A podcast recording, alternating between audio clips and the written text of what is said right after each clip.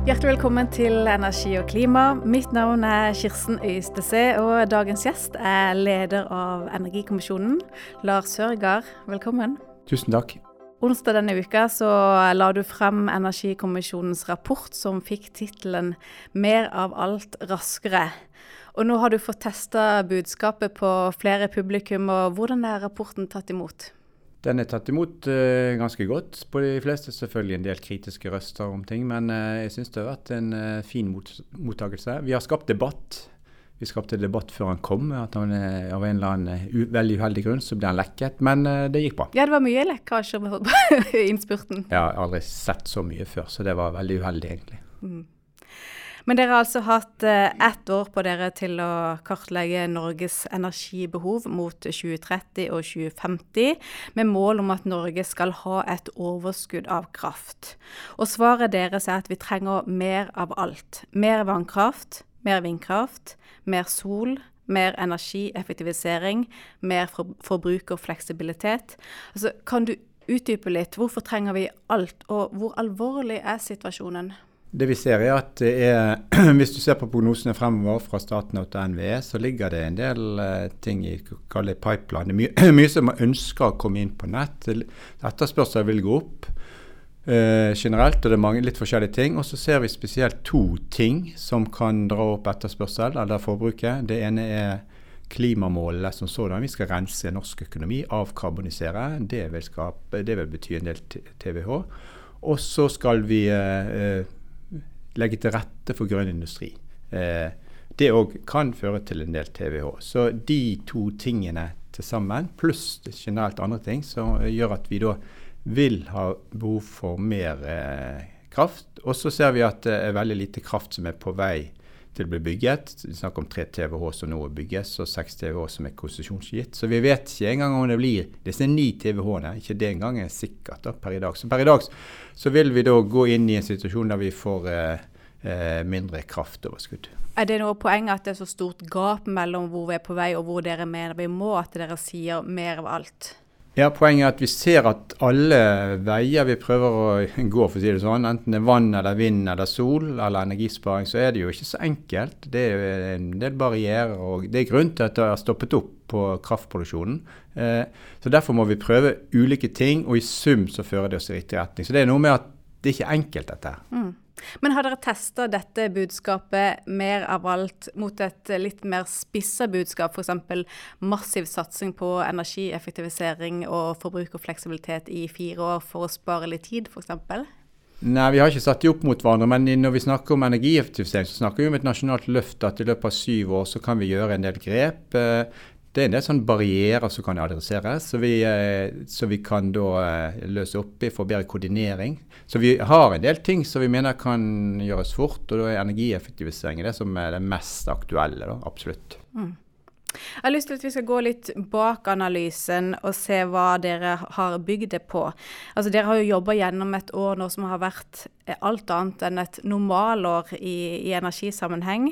Så skal dere da gi anbefalinger basert på hvordan prognosene for 2030 og 2050 ser ut. Og da med den usikkerheten som ligger i å se såpass langt frem. Hva er de viktigste driverne som ligger bak den forventningene dere har til hvordan det vil utvikle seg nå mot 2030 og 2050? Det er ulike måter disse analysene er bygd opp på. NVE ser litt på hva som, ligger, hva som er vedtatt, hva som vil komme, hva de får se av ulike typer forbruk.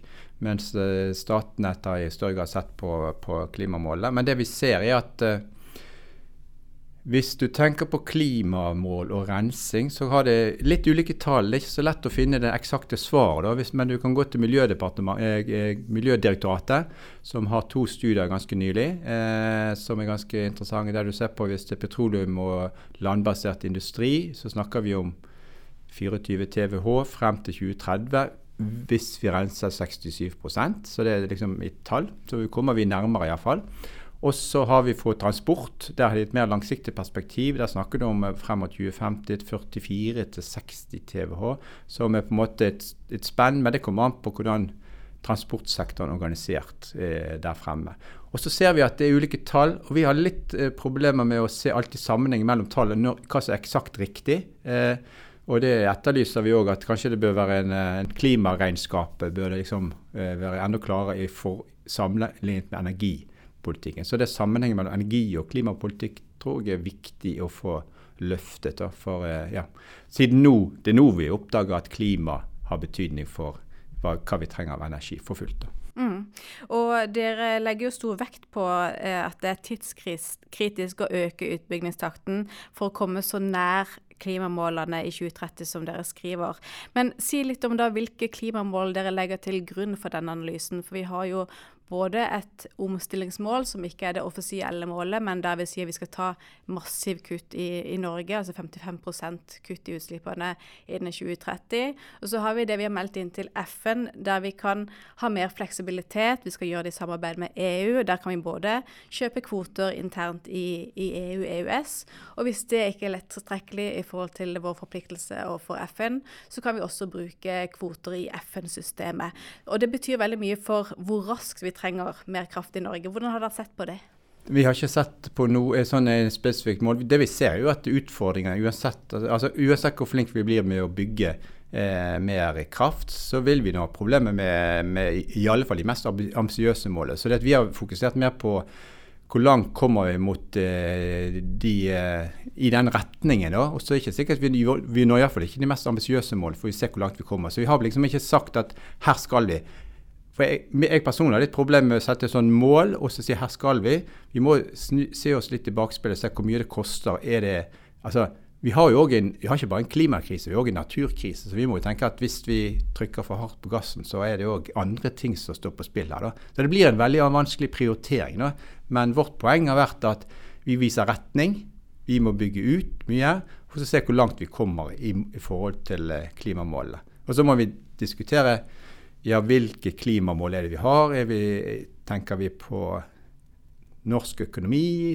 Tenker vi på grønn industri? Så det, er sånn, det, det er litt ulike syn på hva som er klimamål. Det, det, er litt viktig, syns jeg. da. Mm. Og Når du har sett på det, hva tenker du om eh, det nasjonale klimamålet? Nei, jeg tenker Det nasjonale klimamålet kan være bra og eh, ambisiøst å, å, ta. Men så, hvis det begynner å bli vanskelig, så bare for å ta én ting som vi har skrevet om og prioriteringer, Elektrifisering av sokkel, for å ta noe konkret. Eh, hvis det det som politikerne i Norge har forpliktet seg til, er at vi skal ha elektrifisering av sokkel. Det ligger, ligger, inne. Hvis du begynner å se nøye på det, og det begynner å bli vanskelig å få det til, ting, så det er en ting som vi kan tenke på å i fall utsette. Eh, fordi at eh, da kan det hende at klimamålet på kloden kan bli oppfylt like mye hvis vi ikke gjør Altså Det har noe å gjøre med den globale effekten av å elektrifisere sokkel. Så vi må begynne å prioritere sånn at eh, ja, vi skal se hvor langt vi kommer, men så må vi tenke gjennom hva er det vi kan lempe på som da kanskje ikke går utover totalt eh, si, klima på kloden. Og det Elektrifisering av sokkel kan være ett ting som vi nevner på prioriteringer. Men så har vi i utgangspunktet sett på elektrifisering av sokkel som noe politikerne har bestemt seg for. Så vi har sagt at ja, OK, de vil elektrifisere sokkel. Det er snakk om kanskje 10 TWh. Så det ligger inne. Det drar i høy retning. Og så må vi begynne å vurdere det når det er på prioriteringer. Så i slutten av vår anbefalingskapittel så har vi satt opp prioriteringer som et tema, da, der dette kommer inn. Men òg dette med grønn industri og eh, kraftoverskudd. Er vi for dårlige til å rett og slett diskutere hvordan vi skal prioritere mellom disse vanskelige valgene? Jeg tror vi kan gjøre mer av det. Eh, jeg tenker Det som jeg nevnte nå med elektrifisering av sokkel. Sant? Hvis vi blir presset og vi ser at vi ikke kommer så langt med utbygging, så er det en ting vi må, må vurdere. Eh, selv om vi ikke har gjort Vi har ikke tatt den si, valget i vår rapport der vi bare sier at det må gjøres en prioriteringsbeslutning. Og så er det det med Jeg, jeg syns det er viktig å skille mellom klimamål og eh, ny grønn industri. Bare for å illustrere. Hvis vi har eh, dagens transportsektor f.eks. Den vil vi ha fremover òg. Den vil være utslipp på ganske lenge. Skal vi få den utslippsfri, så må vi, så må vi elektrifisere mye. Og det er et, en del av klimamål for å rense Norge. Nye batterifabrikker eh, det vil ikke nødvendigvis, eller det vil ikke hjelpe oss til å nå det klimamålet. Det blir ikke noe renere norsk økonomi bare for en ny batterifabrikk. Du kan få renere økonomi med at du renser en eksisterende industribedrift, men her er det snakk om en ny bedrift. Da vil det bare at vi bygger noe som er fornybart, flott, men vi er ikke, vi er ikke kommet så mye lenger. Så vi skal legge til rette for grønn industri. Men det er veldig Jeg mener det er uheldig å ha et mål om så og så stor økning i grønn industri. Eh, hvis det kommer grønn industri et annet sted til en lavere kostnad, de kan gjøre det på en bedre måte. Det kan være solparker i Nord-Afrika som skal produsere batteri. Det er helt fint, det er bra for kloden. Så må vi vurdere er det verdt kostnaden å ha så mye grønn industri i Norge. Vi legger til rette for det, vi vil ha noe. Men hvor langt vi skal gå, det må vi tenke igjen. Og da er det òg det at vi må tenke på kostnaden for samfunnet. Vi ønsker ikke et, et, eh, en subsidiert eh, eh, kraftsektor, heller ikke subsidiert grønn industri.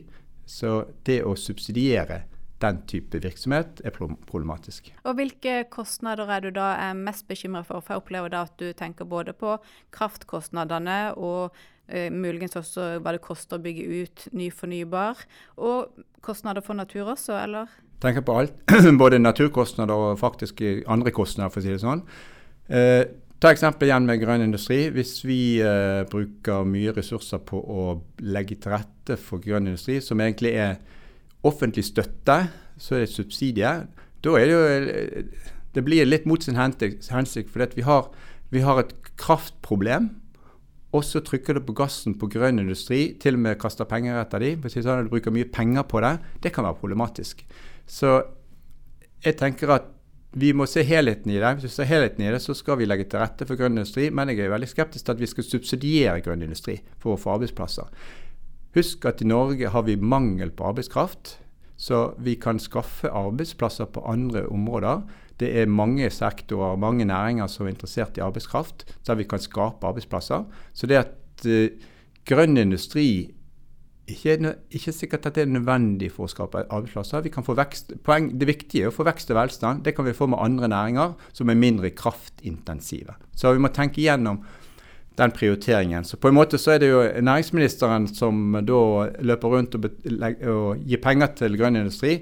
Han jobber jo litt uh, i motstrid med olje- og energiministeren, som skal få en kraftbalanse til å, til å gå i hop. Så det er på en måte det, det å se den helheten er viktig. Mm. Men har du forståelse for det? For det er jo litt gøy å få på plass eh, nye grønne arbeidsplasser. Absolutt, jeg har veldig stor forståelse for det. Det er bra, utrolig bra det er engasjement i næringslivet. Det er veldig bra det kommer ny grønn industri.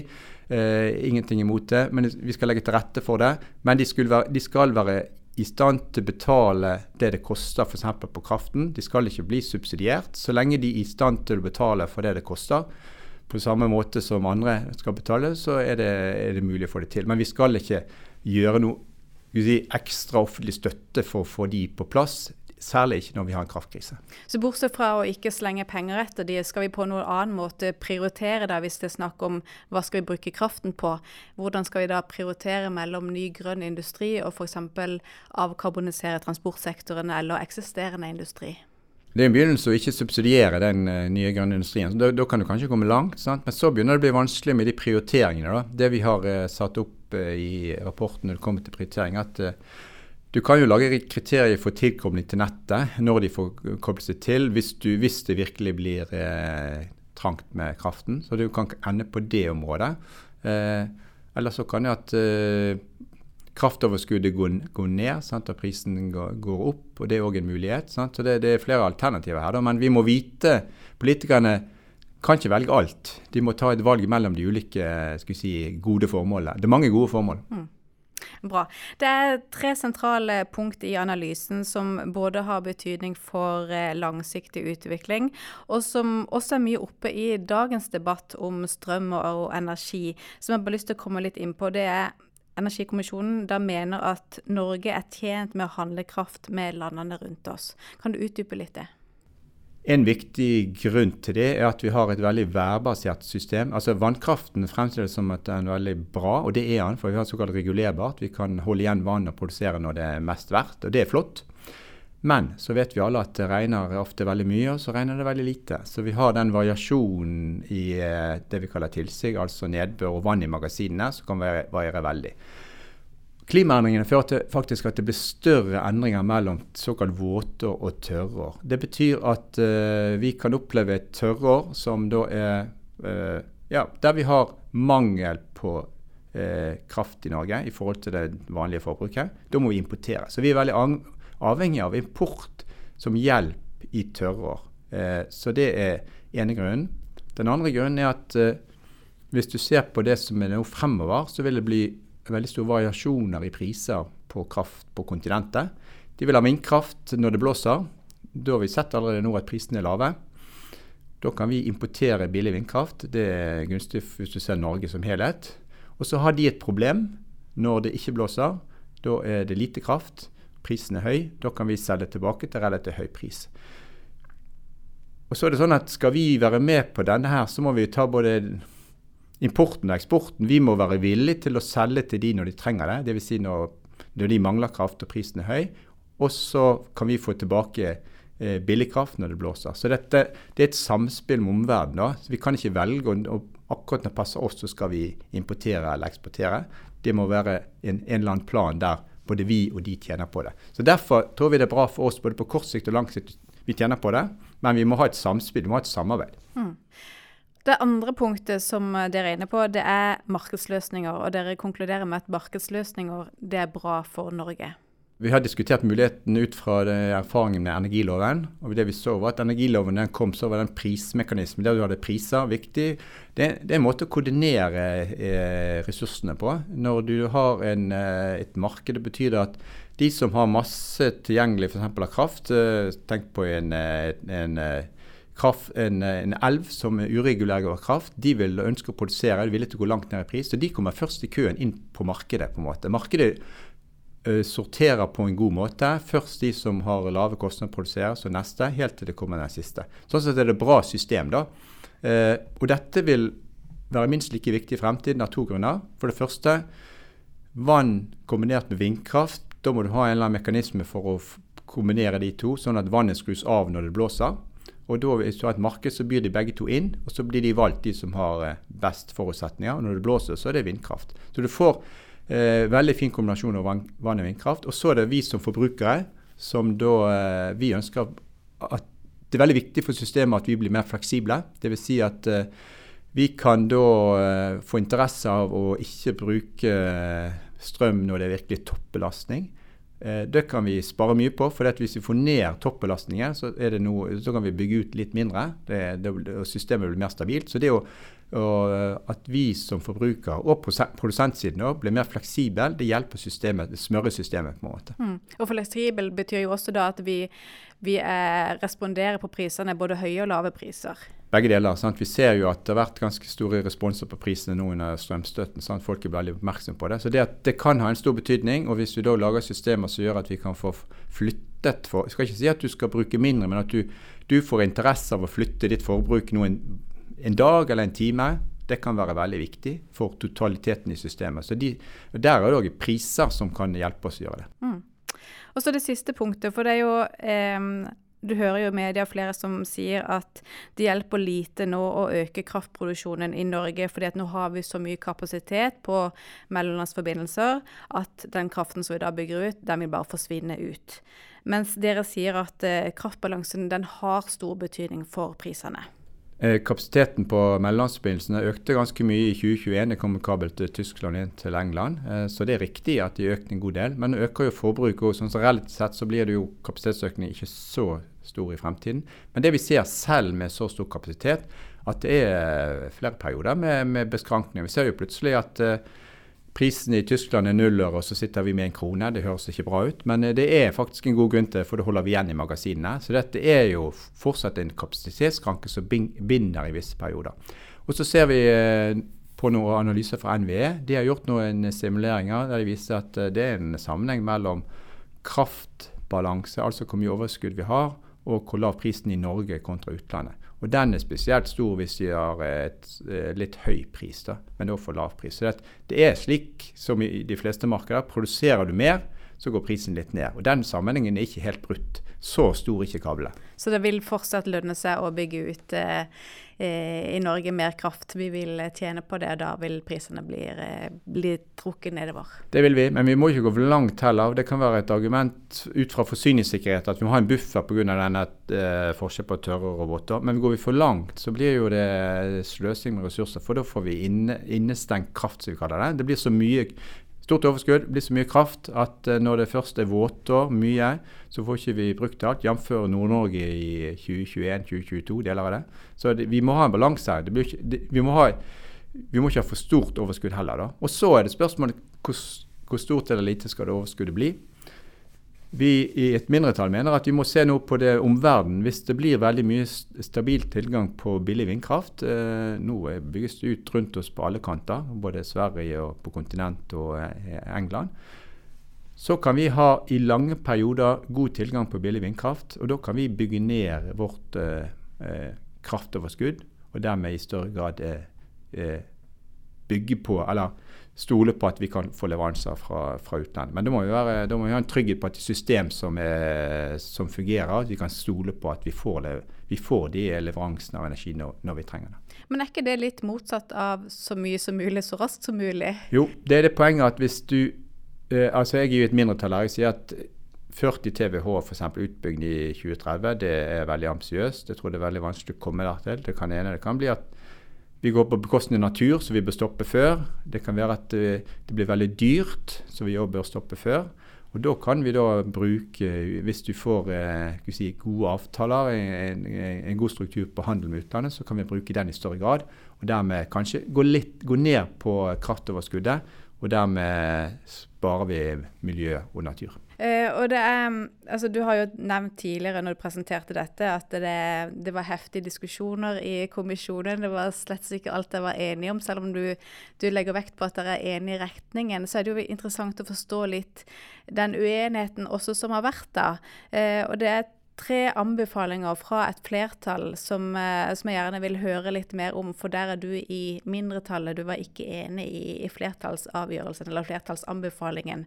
Eh, og det første er jo dette som du er inne på nå, med at eh, Norge bør sette en mål om minst 20 TWh energieffektivisering og minst 40 TWh kraftproduksjon innen 2030.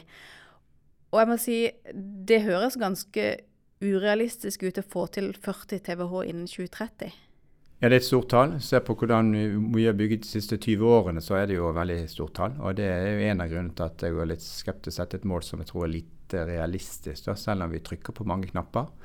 Eh, så det er både det at eh, det er ikke sikkert det er realistisk, men òg det at eh, vi må se på kostnader ved det, sant? i form av naturødeleggelser. Den må vi eh, være oppmerksom på. Eh, vi må gjøre en konkret vurdering av hver enkelt utbygging. Vi kan ikke gå bort fra det. Og Da plutselig ser vi at ja, dette her ble veldig dyrt, f.eks. Eh, dyrere enn vi trodde. Flytende havvind er per i dag veldig dyrt. og Hvis vi ser at dette ser ikke ut som det blir noe billigere, så må vi sette på bremsen, tenker jeg. Og hvis naturødeleggelsene blir større enn forventet, så har vi det samme. Og hvis det blir folk, altså, folkelig motstand som sådan, det kan hende vi eh, ikke blir så mye som før. Men det òg kan gjøre at vindkraft på land stopper opp, f.eks. Så dette, det er mange ting som kan skje, som jeg tror er realistisk vil skje.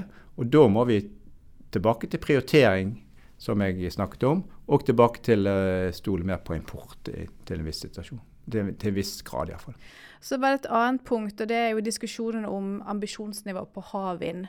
Ja. For der er det et flertall som, eh, som anbefaler at eh, man i første fase på Sørlig Nordsjø 2 eh, setter ambisjonen tilbake igjen, kan man da si, nesten til 3 gigawatt i stedet for 1,5 gigawatt. Du var ikke enig i det, men hvordan diskuterte dere dette spørsmålet? Nei, det var jo eh, argumenter for å få fart på det, så noen som ønsket å gå lenger. Jeg er litt opptatt av å nå eh, komme fort i gang. Jeg er positiv til at vi starter ut det som nå er eh, vedtatt, 1,5 eh, gigawatt. Og så ser vi Altså, jeg har lyst til å vite litt mer om hvor dyrt eller hvor billig det blir. Altså, vi har hastverk, men akkurat å kjøre på så veldig akkurat der Vi, vi vil jo prøve ut dette. Det er ganske ny, nybrått. Så dette jeg vil at vi skal ha det vi har prøve ut, få det så raskt som mulig på plass. Og så, da, når vi har, eh, når vi har eh, si, grunnlaget på plass, eh, så går vi eventuelt videre. Hvis kostnadene tillater det. Så det er mest kostnadene du er bekymra for, hvor dyrt dette blir?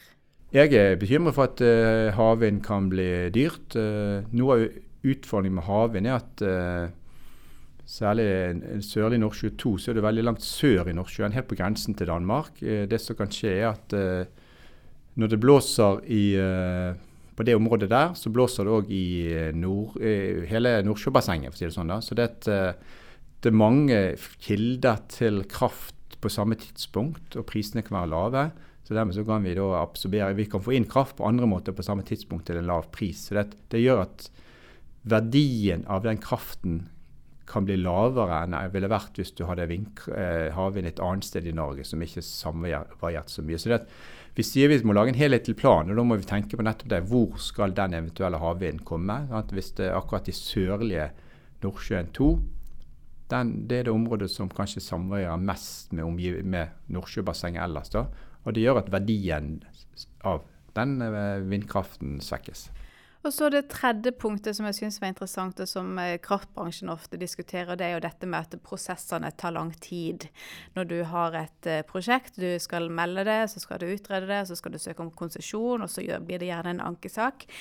Eh, og det var et flertall som anbefalte at konsesjonstiden skulle halveres. Altså at det skulle være et mål.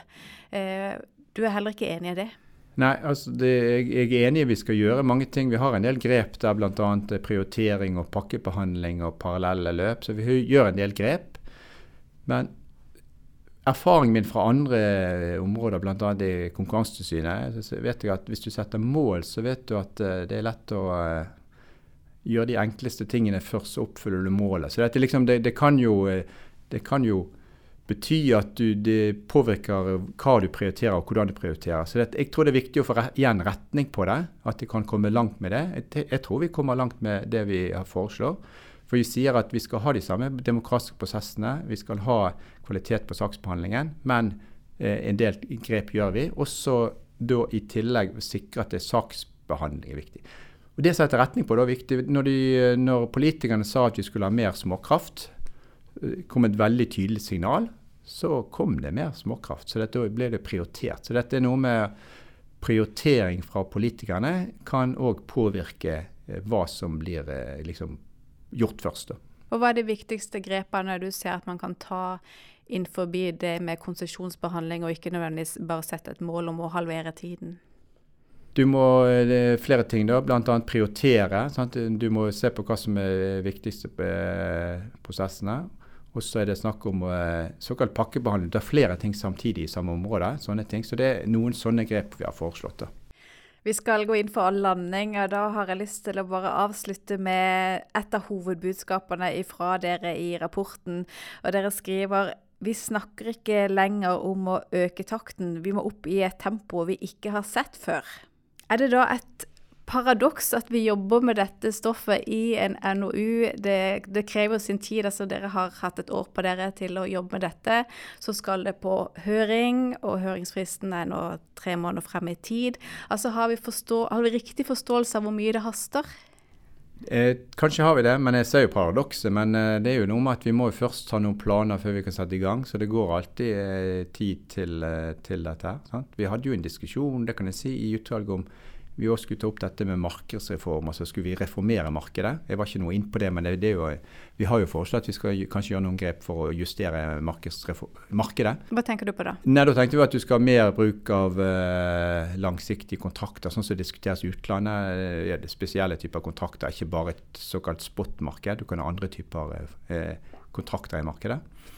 Vi fant ut at det, hvis vi skulle gjøre det, så ville vi bruke et år til. Så jeg tenkte ok, vi tar det vi er bedt om, det å foreslå økt kraftproduksjon og foreslå energieffektivisering. Så vi fokuserte på det. da. Så vi har, vi har, jo jobbet fort, vil jeg si, da, under et år. Men eh, det tar jo tid å planlegge. Men jeg føler eh, eh, Veldig mange nå ser at nå må vi se på hva vi kan gjøre for å få økt kraftutbygging. Så det, på en måte, det har satt seg et inntrykk av at dette nå er er viktig da, å få på plass. Hva er det viktigste du mener dere leverer med denne rapporten? Jeg tror det er viktig det med helheten. Vi må se eh, energieffektivisering sammen med utbygging, at eh, de to er alternativer. Hvis vi klarer å gjøre noen grep på energieffektivisering, så kan vi kanskje ikke bygge ut så mye kraft. Kan, hvis, det, hvis, det, butter imot på kraftutbygging, så er det en måte å hjelpe oss ut av situasjonen. Så det, den helheten tror jeg er viktig. Mm. Din jobb er jo egentlig ferdig. Slipper du det, eller hvordan har du tenkt å følge det opp videre? Akkurat nå er det fortsatt hektisk, så det blir en del foredrag fremover. Så jeg skal jo følge nøye med. Det er et veldig spennende område, så det, ja, det, det blir spennende å følge hva som skjer fremover. Tusen takk for praten. Takk skal du ha.